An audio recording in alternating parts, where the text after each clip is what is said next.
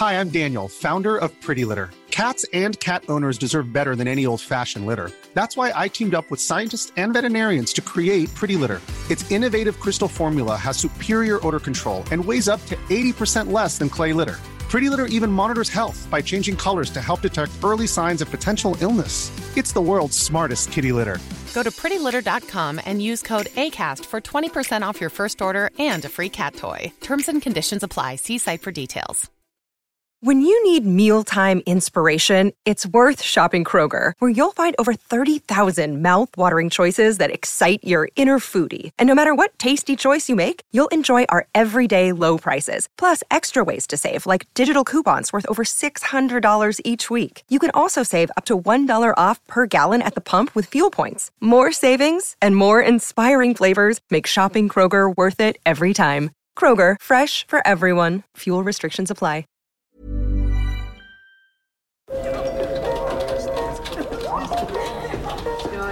Dette er lyden av norsk næringsliv.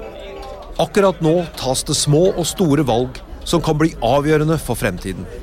Med økonomisystemet X-Leger tas disse beslutningene basert på informasjon i sanntid, slik at drømmer og ambisjoner kan bli virkelighet. Få kontroll og oversikt, gå inn på xledger.no.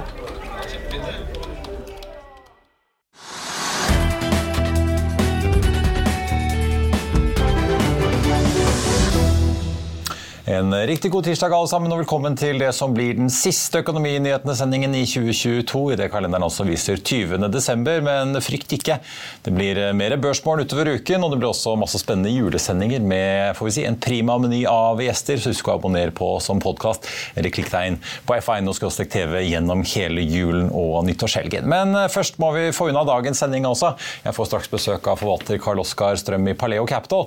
Og så skal vi aller først begynne med å titte litt på markedet og dagens eh, nyheter som preger eh, dagen.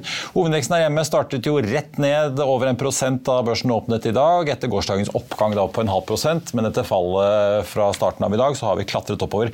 Ligger nå ned eh, snaue 0,3% Futures på Wall Street de peker også ned etter fallet på Wall Street i går. og Det er også mye rødt rundt oss i Europa, med unntak av København og Helsinki, hvor indeksene foreløpig er i grønt, som de to store unntakene i dag. Så må vi ta med meldingen som har kommet nå i ettermiddag om at det skal ha vært en eksplosjon ved en gassrørledning som transporterer naturgass fra Vest-Sibir gjennom Ukraina og inn til Europa. Ifølge det russiske nyhetsbyrået RBC så skal eksplosjonen ha skjedd på russisk side. og Ifølge Reuters er det tre dødsfall etter ulykken. Den russiske delen av rørledningen opereres av Gazprom, mens den ukrainske delen er operert av Transgass. og Omfanget av eksplosjonen er ikke kjent ennå, men det sirkulerer da videoer som viser den eksplosjonen på sosiale medier. Og Rørledningen er da for tiden hovedruten for russisk gass inn til Europa, gitt at både Nord Stream 1 og 2 da ikke frakter gass om eh, dagen. Eh, når vi først er i råvaremarkedet, oljeprisen tikker litt ned i dag. Nordsjøoljen ligger på 79,90, ned 0,3% og dermed har vi i hvert fall foreløpig ikke klart å komme oss over 80 80-tallet igjen da, som vi så vidt så i går. Den amerikanske lettoljen er også ned svakt til 75,60. På aksjesiden er Atlantic Sapphire en av de store vinnerne i drag. Oppdrettsselskapet som driver i Florida i USA med oppdrett på land, så jo at Petter Stordalen hamstret aksjer etter skrellen i aksjen som vi har sett eh, gjennom året. I går lastet eh, Refsnes-familien, Ferd, Ferds Andresen og Witzøe opp med flere titalls millioner aksjen. Aksjen var ned et par prosent eh, mandag, men men tirsdag ser vi den stige rundt 18% da, til rett under 8,70 kroner og 70 øre aksjen. Men vi får jo da påpeke at den fortsatt er ned da, 80% så langt i eh, år. Biotekselskapet Nycode eh, legger tirsdag frem en utvidet klinisk utviklingsplan for selskapets eh, viktigste kreftvaksine. Aksjen var lenge eneste, den eneste grønne aksjen blant de mest omsatte på Oslo Børs, men har gått litt i minus og ligger ned en drøye nå 7 rett under 30 kroner aksjen. Og så langt i år er den ned over 60% og faller jo da, får vi si, som så veldig mange andre biotek- og legemiddelaksjer på Oslo Børs i i år. DNB Markets venter tøffere tider for hydrogenselskapet Nell, og nedjusterer sine estimater for selskapet i perioden 2023 til 2025. Og det får et ganske klart utslag for Nell-aksjonærene. Nell-aksjen ligger ned nå 11% blank til 13,46. Så Arctic Securities regnet litt på en dur, og de har nå nedgradert aksjen til en hold-anbefaling. Og den aksjen er ned snaue 5 også denne uken ser det ut til at sentralbankene rundt omkring i verden setter sitt preg på utviklingen. I Asia i dag så har oppdateringen fra den japanske sentralbanken bidratt til å sende rentene opp og aksjemarkedene ned, og får vi si også igjen opp. Natt til tirsdag kom nemlig meldingen om at Bank of Japan utvider båndet de har på yielden en tiårig statsrente kan svinge fra pluss-minus 0,25 til pluss-minus 0,5 og som vi skriver på FA1 i dag, så har yenen altså vært svak i går pga. nullrentelinjen, men styrket seg umiddelbart av rundt 3,5% Og tiårsrenten i Japan steg fra 0,25 til 0,42 ganske sporenstreks. Det skjer endringer i ledelsen i SAS midt under Chapter 11-prosessen. Driftsdirektør og Danmark-sjef Simon Pauk-Hansen har besluttet å forlate SAS etter 26 år. Da etter at han begynte som trainee i selskapet. Pauk-Hansen ble av mange ansett som en kronprins i SAS på linje med tidligere kommersiell direktør Carl Sandlund, som på sin side varslet sin avgang fra selskapet da i våres etter at finansdirektør Magnus Ørnberg sluttet i mars. Som driftsdirektør har Pauk-Hansen vært sentral i gjennomføringen av Eh, den effektiviseringsplanen som SAS kaller SAS Forward. Konsernsjef Anko van der Werft sier han er lei seg for at Pauk Hansen vil forlate selskapet, og takker for den mangeårige innsatsen. Og det er Mikael Vogndal som inntil videre overtar som konstituert driftsdirektør i SAS. Han er i dag leder for ekstern produksjon og regionalflyselskapet SAS Link. Og SAS-aksjen er ned en 2,9% så langt i dag. Og apropos fly, Finnair melder at eh, de fra og med sommeren 2023 trapper opp rutene i til Asia da, og øker frekvens eh, både til Osaka, Tokyo, Hongkong og Delhi som følge av økt etterspørsel. Både Finner og SAS og andre som flyr over Russland har hatt store problemer etter Ukraina-invasjonen, da luftrommet over Russland ble stengt for mange av disse selskapene. Før vi kjører videre, så vil jeg bare minne om at hvis ikke du rekker å se denne sendingen, så kan du også høre den ved å søke opp Økonominyhetene på Spotify, Apple Podcast eller ved å gå inn på f1 og podkast. Mange følger jo spent kursrakettene man kan finne innen oljesektoren, og praten har jo begynt å gå om det kan komme en emisjon til i seismikkselskapet PGS. DNB har jo hintet om det, og de og SEB har saksanbefalinger på aksjen og kursmål på mellom 3,50 og 4 kroner. ABG har imidlertid kjøp og kursmål 13. På Børsmorgen i morges hadde vi besøk av analysesjef Jon Olaisen, som forklarte hva han mener kan utspille seg, inkludert en kraftig reduksjon i gjelden i PGS. Bare se her. Sharewater har jo sagt at de, de, ønsker å komme på børs, ja. kanskje i løpet av neste år. hvis vi, ja, vi får se litt hvordan eh, markedet blir. Mm. Men er det gitt at det blir en emisjon i PGS, og så trenger de mer påfyll av kapital i en eller annen finansieringsløsning, eller kan de tjene seg ut av problemene noen måneder eller et år til? Vi får se. Jeg, jeg frykter ikke all verden. altså eh, da vi starta året i år, så hadde de 1 milliard i gjeld. Ja. Nå har de 800, eh, eller 750. Og jeg tror om ett år så er de under 400. Rett og slett med inntjening? At ja, inntjening. Uh, cashflowen ja, ja, Det er 70-80-90 millioner dollar i cashflow i kvartalet. Så den underliggende driften har bedret seg så dramatisk. Så de fikk en kontrakt her i Middelhavet for tre-fire uker siden, og det er første kontrakten i denne sykkelen hvor de får betalt for mobilisering. Mm. Så det er klart, I fjor hadde de, eller i år i fjor hadde de fortsatt, fortsatt ganske dårlig første halvår i år. Så i fjor, altså 21 og 22 så hadde de 75 flåteutnyttelse. Da hadde de 25% tiden hvor de ikke fikk betalt. Mens neste år så kommer de til, sikkert til å få 80% flåteutnyttelse, pluss at de får betalt for mobilisering. Så plutselig går antall betalte dager fra 75 til 85, og ratene er opp 25-30% i år. Og neste år får vi se, da, men sikkert 15-25% opp neste år òg. Så plutselig er liksom EBITDA-bidraget per båt fem-seks ganger så stort. Ja. Så 21, mitt estimat, at EBITDA-bidraget per båt var sånn 8-9 millioner dollar. Neste år kommer det til å være 50. Vil du bli oppdatert på det viktigste som har skjedd innen finans og næringsliv? Da er det bare å følge med, for hver morgen er jeg, Marius Lorentzen og aksjekommentator Karl Johan Malnes på plass i studio for å ta tempen på dagens marked i Børsmorgen. Og hver ettermiddag oppsummerer vi alt du trenger å vite i Økonominyhetene, og det blir selvfølgelig masse interessante gjester. Klikk deg inn på fa.no-tv, eller søk opp Børsmorgen og Økonominyhetene der du hører på podkast.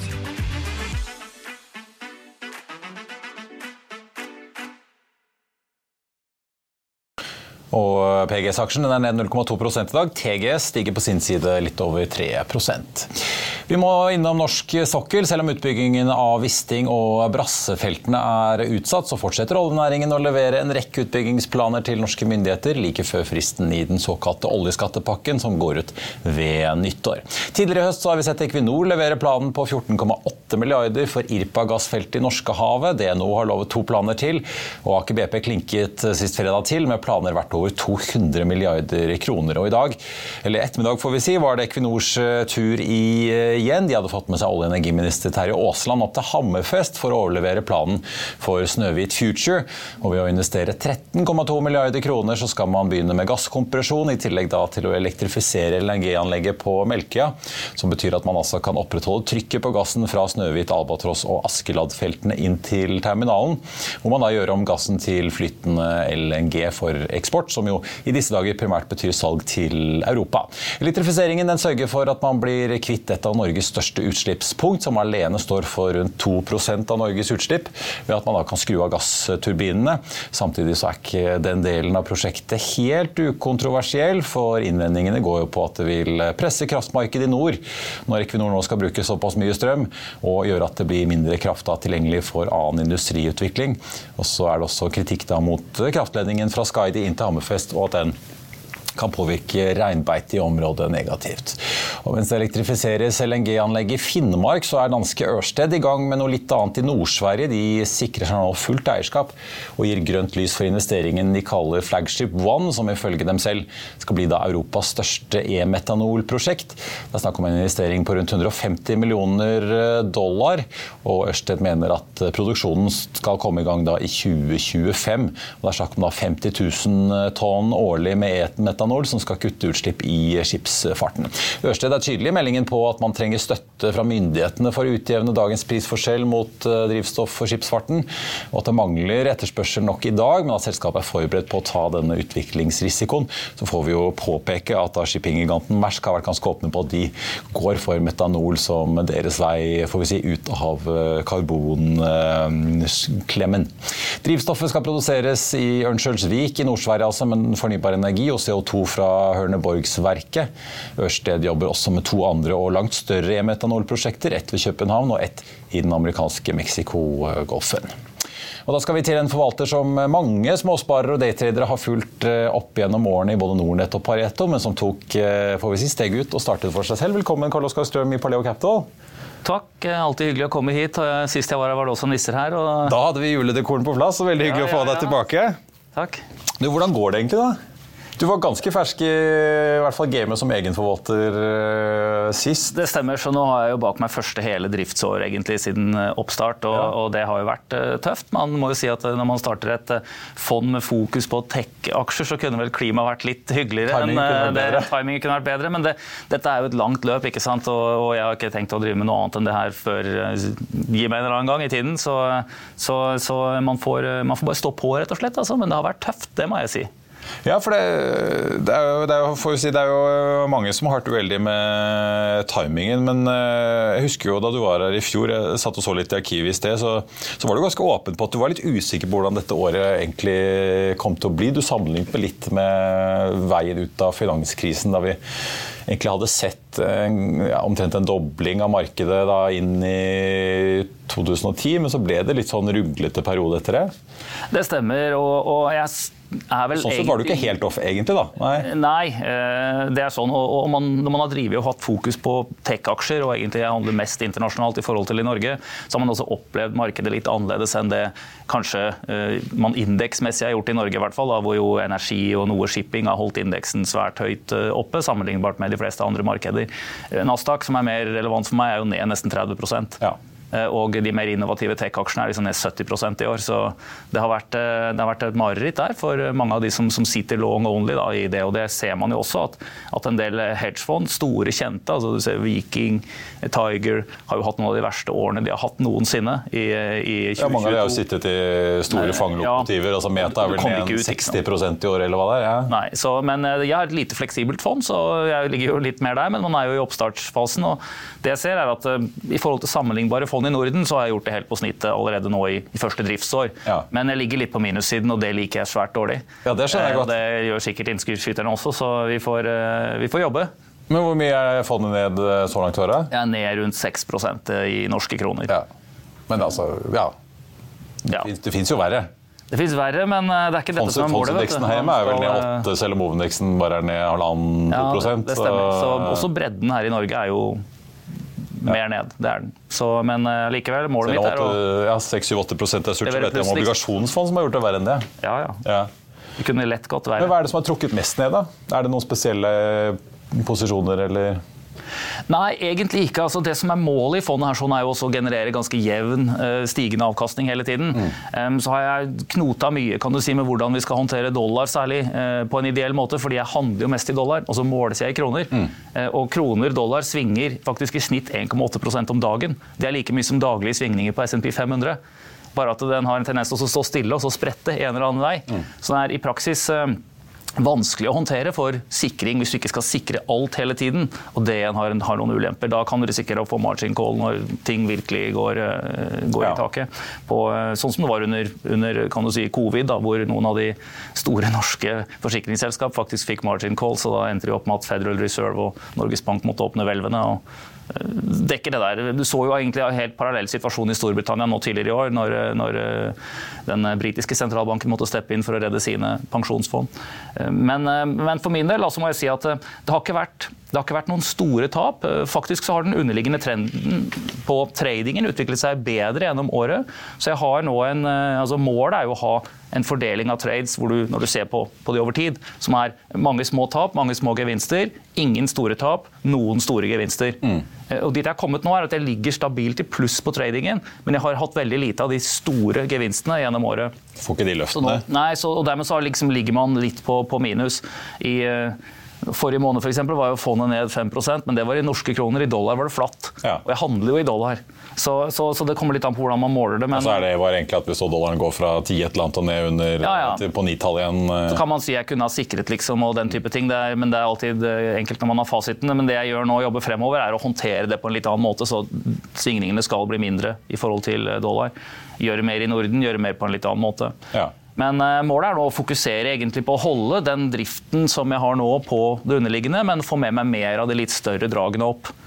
Uh, uten å prøve å få meg altfor mye ned. Ja. Så- Du, ligger på, for, du ligger fortsatt på en 60-70 millioner kroner under forvaltning. Mm. det er jo et veldig lite fond, det er det, men samtidig så har jeg en turnover hvor jeg typisk snurrer den kapitalen flere ganger om dagen. Ja. Så det er eh, fordi man handler mye indeksinstrumenter og den type ting. Så jeg så jo noe statistikk her som altså Årlig publiseres det, eller ble publisert av Finanstilsynet, eh, en eh, og forhandlet A lot can happen in the next three years. Like a chatbot may be your new best friend. But what won't change? Needing health insurance. United Healthcare Tri Term Medical Plans are available for these changing times. Underwritten by Golden Rule Insurance Company, they offer budget friendly, flexible coverage for people who are in between jobs or missed open enrollment. The plans last nearly three years in some states, with access to a nationwide network of doctors and hospitals. So, for whatever tomorrow brings, United Healthcare Tri Term Medical Plans may be for you. Learn more at uh1.com. I'll see you in court. Vi sier det ofte litt på spøk, men for deg som driver business, er det aldri moro å innse at du ikke har laget en 100% gyldig kontrakt. Du bør ikke risikere hele firmaet ditt fordi du synes dette med kontrakter er litt stress. En avtale er ikke en avtale. Du kan miste kunder, miste venner, ja, til og med miste inntekter om du ikke lager en skikkelig kontrakt, på alt mulig, egentlig. Men vi vet det er et styr. Kopimaskiner, tregprinter og haugevis av papir. Dessuten stoler vi jo på folk her i landet. Det er ofte litt kleint å skulle be om en signatur for alt mulig, ja, for mye av styret handler også om jakten på underskriften. Det finnes en enkel måte å løse dette på, Dukkobit, en trygg, effektiv og get this, gratis måte å sikre seg en god natts søvn pluss en juridisk bindende avtale. Dukkobit-appen har de strengeste sikkerhetskrav i bunn, samt en EU-godkjent og sertifisert teknologi. Framover vil det bli behagelig å spørre du, skal vi skrive under på det, eller? Kom i gang på dokobit.no. av norske AIF-er, hvor mye de handlet gjennom året og hva man satt på. Det var ikke med faktisk i årets rapport, men uh, når jeg så på tallene, så tror jeg jeg handler mer enn alle de andre norske AIF-fondene til sammen. Ja. Ja, for, det, altså for, å investere i fondet ditt, uh, du kan ikke bare klikke deg inn på Nordnett eller nettbanken Nei, dette er jo dette er strengt regulert, ja. sånn at man må være profesjonell investor. altså det vil Si, ha et investeringsselskap som har litt investeringer her og der. Og så er fondet åpent da en gang i året. Ja. Så eh, vi, eh, vi, er alle litt slitne nå, men eh, jeg er egentlig ganske Altså det underliggende går bra. Hadde jeg ikke gjort det, så hadde jeg liksom stilt spørsmål ved det selv. Men jeg ser jo hvor jeg er, og, ser man der hvor man er i forhold til Kanskje sammenlignet med ikke bare med andre fond, men med profesjonelle tradere som driver med trading på fulltid, da, for det er et tradingbasert fond. Så er det mange av de som ikke har hatt et godt år i år. Mm. Men den første fasen du må komme til, er liksom etter at det er ruglete til å begynne med, så må du begynne å bli stabilt positiv. Eh, derfra så er det ofte ikke lineære forbedringer, det er liksom eksponentielt. Hvis du da klarer å få til den fordelingen jeg har nå på trades, men får med meg noen av de litt større dragene, så kan det bli gøy. Men eh, Fortell litt om hva du sitter i. da, for Du har jo sittet i altså Nordic Semi, deres nederlandske konkurrent AS, ASML. For mm. ja, nå gjelder ha tungen rett i munnen her. Ja, ja. Du satt vel litt i Intel òg, gjorde du det? Ja da, ja. dette var jo i, i, fjor, og de er fortsatt uh, blant de jeg sitter og følger med på daglig. Uh, jeg har vel vært ute og inne av ASML i, i dag også. Uh, nå sitter vi jo her i det helt korte bildet da, på sjette dagen med fallende kurser i USA. Mm. jeg tror at... og en chipsektor som har fått ganske mye medfart. Ja, ja. Det skjer jo mye interessant der med at de må si, reetablere seg i USA, mange av de òg. De må det, så, så jeg syns jo chipsektoren er veldig spennende nå. Eh, og eh, ASML er kanskje en av de aksjene som kan være interessant også inn i 2023. Men det er klart den har kommet en god del opp fra bunnen nå, eh, og, og svinger mye i takt med øvrig tech og er ikke kjempebillig, liksom. Så Nei. det er klart det er, det er, fryktelig lite som liksom er helt åpenbare investeringer, syns jeg, der ute nå også, for det, de som ser litt lengre frem. Eh, men det er spennende ting å, å, se. Det er enkelte grønne skudd også. Alt er ikke all bad liksom, i, i markedet. Men er det noen som eh, med de kursvanene vi har sett altså, En ting er jo de store Netflix og Meta og sånn som vi har sett mye i USA falle, men det er jo mange aksjer som har falt eh, også hjemme i Norden og Europa. Er det noen du nå føler at som du før kanskje så på, men du syns prisingen var for høy, som du nå tenker at nå begynner den aksjen å bli interessant?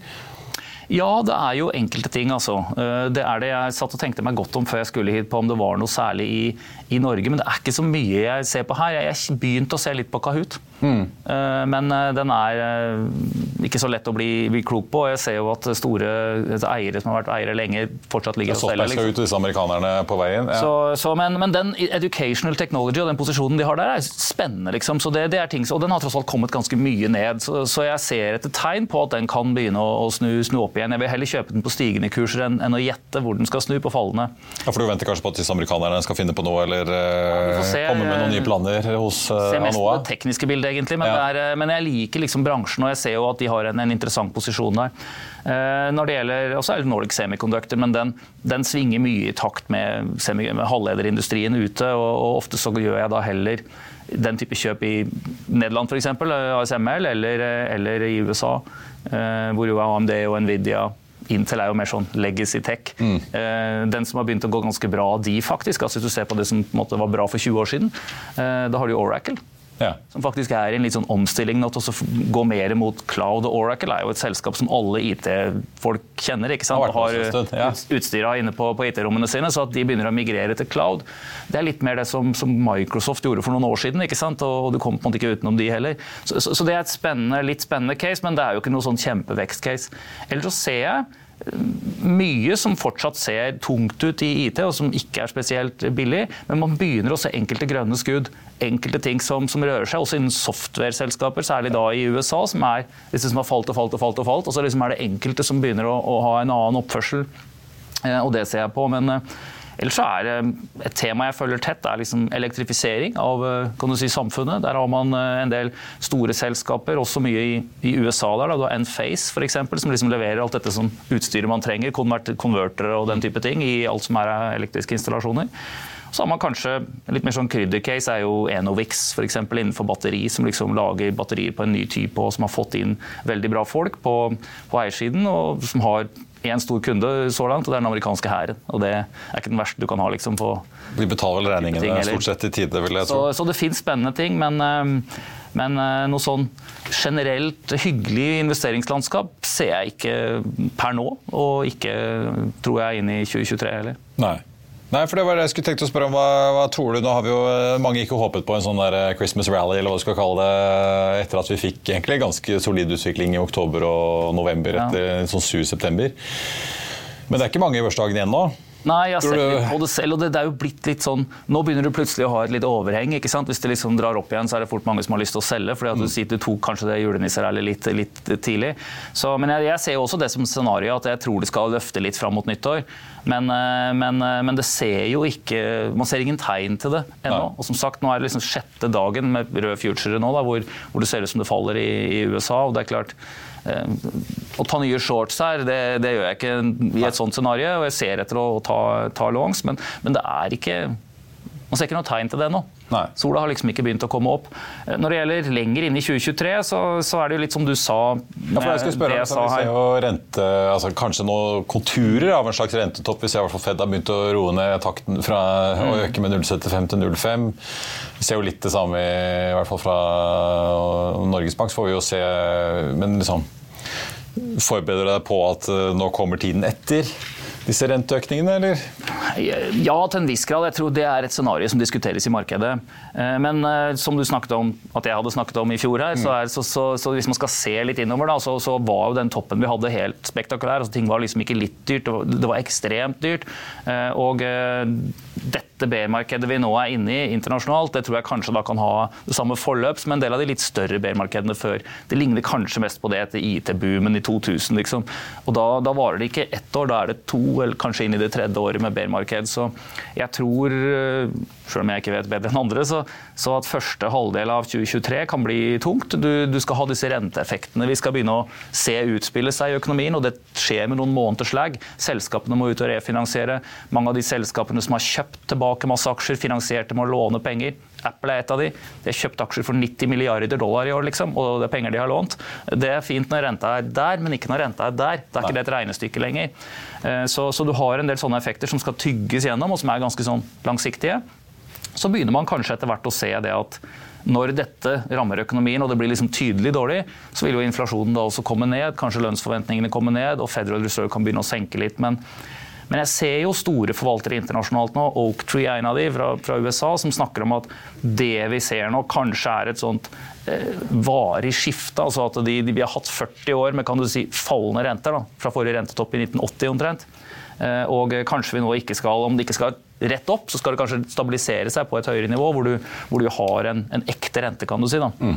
Eh, og det der med 'there is no alternative', det er jo borte nå. Du kan faktisk få 4% på statspapirer, og det, det, er et helt annet eh... Men Gjør det at du styrer unna selskaper med altså At du måler dem egentlig på gjeldsgrad en god del òg, eller liksom rentebelastning? Ja, jeg tror det er sånn når det gjelder eh, aksjebets Gitt at du fokuserer mye på, på tech- og vekstaksjer, altså, det, og, det er ekstra viktig. Ja. Eh, men, eh, og det er en av de tingene jeg kanskje ser på å endre litt på mandatet på fondet også, for det er noe av det jeg kunne tenke meg å plassere litt mer penger i nå, som jo har vært veldig dårlig i 2022, men som jeg tror kan bli ok i 2023, er eh, en bit av high yield-segmentet som ikke er den aller høyeste. For jeg tror det kan bli høyere uh, defaults, altså mer konkurser og den type ting, inn i 2023. Men uh, jeg tror også at det kommer til å bli en del rentepapirer som nå har blitt liksom sendt kraftig ned, men som når renta stabiliserer seg, kommer til å kunne gi en OK avkastning uh, i 2023. mange high yield-fond er jo også i Norden er kraftig ned i, i år. men jeg tror fra det nivået her, liksom, så så kanskje ikke det er det, det dummeste. Mm. Og For min del på det fondet så kan jeg jo legge noe kapital i den type ting og ha det som margin for å handle eh, i markedet, men, eh, men eh, det har jeg ikke fullt ut mandater per nå. Du kan sitte mye cash òg. Liksom, hvor stor ja. andel av fondet er cash? Nei, det varierer jo veldig gjennom dagen. Ja. Fra 100 til, til, Og da spørs det hvilke cash, altså hvilke valuta ja, ja, man legger i, til at jeg har eksponering opp til 200 av, av fondets kapital. Eh, nå har det vært, eh, jeg har vært relativt forsiktig og tradet med veldig tighte stopper i den perioden vi har vært i nå. Eh, men fremover så blir det jo å, å dra på litt mer, egentlig. Du skrev jo i månedsrapporten for november at du har deltatt i plasseringer i Axolutions, Adevinta, Cool Company også. Var det, var det bare en ren sånn daytrade du så der, eller var det noe ved de aksjene sånn på lengre sikt som du så var litt interessant? Det ærlige svaret på det er ja. ja. det var rein daytrade, ja. som, som, jo Ja, det, det, vil jeg si. Det hender jo Det var ikke sånn du tenkte at når Skogen Lund skulle selge aksjer i Adevinta, at etter kursfallet fra sensommeren i fjor, så tenkte du nå, nå er bunnen nådd? Nei, eh, mange av de der er jo, det er jo aksjer jeg ser på hver dag. Noen av de i hvert fall. Eh, det hender at jeg blir med på sånne plasseringer hvor ikke det er aksjer man følger så tett også, hvis prisen er eh, interessant eller situasjonen rundt det. Men regnearket mitt forteller meg jo at det er ikke noe sånn kjempebusiness å delta i den type plasseringer per nå. Det er det ikke. Så kommer det andre faser av markedet hvor det er det. Og Det er jo også en del av det måte å være i markedet og snakke med meglere og den type ting. At man må være med litt i plasseringer. Eh, men jeg pleier å være ganske kresen på det, og, og så tegner jeg ikke for mer enn jeg ville ha kjøpt for hvis jeg skulle kjøpt den posten. Nei. Uh, hvis, du blir sittende, hvis du blir, holdt på å bli sittende med den ufrivillig? Ja, ja. ja. Så, for det hender jo at man får uh, høy tildeling, og da er det jo gjerne når det ikke, ikke du vil ha det. Ikke så mange andre. Ja. Men sånn er det. Hvis vi skal oppsummere litt, altså, Du tror det blir ganske ruskete første halvår uh, egentlig jevnt over, eller mest for vekst- og tech-aksjer som er mer rentesensitive? Nei, det er, eh, det er, vanskelig å si. Altså, jeg, det jeg ser er at, som vi var litt inne på, er at mange av disse tech-aksjene har blitt sendt ganske kraftig ned allerede. Eh, men så kan du også si at definisjonen på en aksje som har falt 90 er en som først har falt 80 og så halvert seg. Mm. Så, så, det finnes alltid liksom prosentvis nedside herfra allikevel. Eh, men, men, som sagt så ser jeg noen grønne skudd der nå, og ting som begynner å se litt spennende ut. Men ellers så er det jo syklisk industri, altså. Og for, for Norge sin del så kan du si at hvis det blir resesjon ute, så er det ikke sikkert at oljeprisen er eh, der den er nå. 80 lenger. Eh, det, det, er jo slik, og det må jeg jo si, altså det har vært, man har vært, fått veldig mange som har vært veldig optimister på oljeprisen en stund. Rystad har jo faktisk hatt et litt annet syn. Ja, han er den ene kontrære Ja, og han er kanskje den som har mest info ja. av alle. Eh, men det jeg ser på det tekniske chartet, og der ser jeg jo at oljeprisen har jo trendet ned i flere måneder, egentlig. Og det gapet i forhold til der hvor oljeaksjer ligger, det er ganske stort. Og, og så sier man ja, enkeltaksjer som Equinor, da, som jo, har jo mye gass, ikke sant? og gassprisene i Europa er høye. Ja, men de har også etablert seg rundt nivåer som er nær årets lav nå. Altså. Så, så, så, det er klart at det der det er kanskje regnestykker som, som, man ser nå begynner å nedjusteres litt. og Nå begynner du å se Equinor og disse nedjusteres fra, fra utenlandske meglerhus. og det er klart at det, Hvis man tror at oljen nå skal være må, hvis den må være 100 i slutten av 2023 for at regnestykket skal gå opp Jeg kan gå inn på computeren min og så kjøper jeg olje for levering slutten av 2023. Koster 79 dollar. Så det er klart, Da kan jeg like gjerne kjøpe det da, enn å kjøpe oljeaksjer som må ha den oljeprisen for å være verdt det de er nå. Får vi se hvor ille energikrisen blir eh, neste vinter. Vi får se. Karl Oskar Strøm i Paleo Capital, tusen takk skal du ha, og god jul. Likeså. Vi er straks tilbake rett etter dette. Dette er lyden av norsk næringsliv. Akkurat nå tas det små og store valg som kan bli avgjørende for fremtiden. Med økonomisystemet X-Leger tas disse beslutningene basert på informasjon i sanntid, slik at drømmer og ambisjoner kan bli virkelighet. Få kontroll og oversikt, gå inn på xledger.no. Velkommen tilbake. Har du ønsker om aksjer vi skal analysere eller selskapet vi skal snakke med eller om, send en e-post til tvtips.finansavisen.no. Det har kommet en melding fra Webstep som har utnevnt eh, Ida Amalie Oma som ny finansdirektør etter etter Truls Oftedal Ellingsen, som har vært finansdirektør der siden august 2021. Den aksjen ligger foreløpig flatt på Oslo Børs. Så får vi også ta med SAS, altså, hvor det er litt endringer i ledelsen i dag, ned 3 eh, Flyr, konkurrenten, som jo eh, skal begynne å fly charter i USA hvis de får det godkjent av amerikanske myndigheter, opp 3,6 i dag. Konkurrenten deres er Norwegian ned 0,5% Atlantic Sapphire, en av de store vinnerne i dag. Mange kjente navn som begynner å kjøpe i den aksjen etter det kraftige kursfallet som vi har sett. Den aksjen opp 15% i år. Og så snakket vi jo litt seismikk eh, på Børsmorgen som vi var innom. PGS i dag ned 0,2% Konkurrenten TGS opp 3,5 Så får vi også nevne da Equinor etter denne meldingen om eh, eksplosjonen ved rørledningen gjennom Ukraina fra Russland. Equinor som er ganske gasseksponert, ned 0,1 i dag på en oljepris som nå igjen har bikket opp så vidt over den symbolske grensen på 80 dollar fatet. 80 og, 80 dollar og 29 cent ligger vi på nå i spotmarkedet. Den amerikanske rett inn på 76,12 med en hovedvekst som er ned 0,3 Skattedebatten er ikke over etter gårsdagens rapport fra Torvik-utvalget. og I Finansavisen i morgen kan du lese Trygve Egnars leder om at arveavgiften er noe dritt. Du kan lese om Arne Fredli som øker i Hunter Group, om gasspristaket til EU, som får shippingtopp Øystein Kalleklev til å riste på hodet. Og så blir det børsintervju med Stein Frode Aaseng i Forte.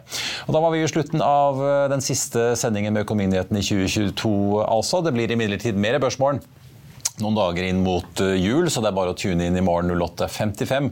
Da kommer aksjesjef Lars-Erik Moen i Danske Bank.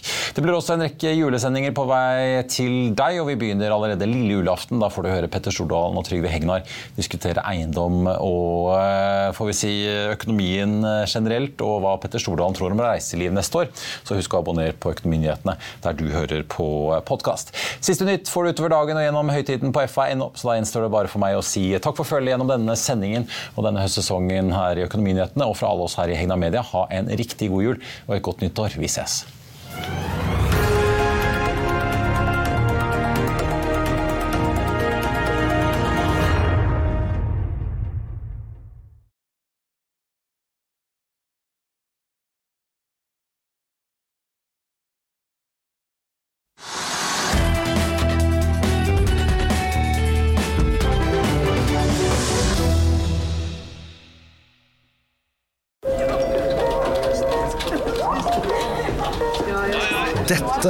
Er lyden av norsk næringsliv. Akkurat nå tas det små og store valg som kan bli avgjørende for fremtiden. Med økonomisystemet X-Leger tas disse beslutningene basert på informasjon i sanntid, slik at drømmer og ambisjoner kan bli virkelighet. Få kontroll og oversikt, gå inn på xledger.no.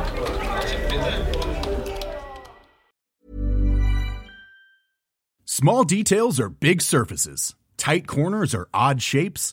Flat, rounded, textured, or tall.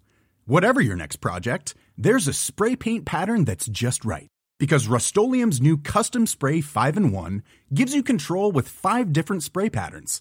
So you can tackle nooks, crannies, edges, and curves without worrying about drips, runs, uneven coverage, or anything else. Custom Spray 5 in 1. Only from Rust Hey, it's Paige DeSorbo from Giggly Squad. High quality fashion without the price tag. Say hello to Quince. I'm snagging high-end essentials like cozy cashmere sweaters, sleek leather jackets, fine jewelry, and so much more. With Quince being 50 to 80% less than similar brands. And they partner with factories that prioritize safe, ethical, and responsible manufacturing. I love that. Luxury quality within reach. Go to quince.com slash style to get free shipping and 365 day returns on your next order. Quince.com slash style. Økonominyhetene er en podkast fra Finansavisen. Programledere er Marius Lorentzen, Stein Ove Haugen og Benedikte Storm Bamvik. Produsenter er Lars Brenden Skram og Bashar Johar. Og ansvarlig redaktør er Trygve Hegnar.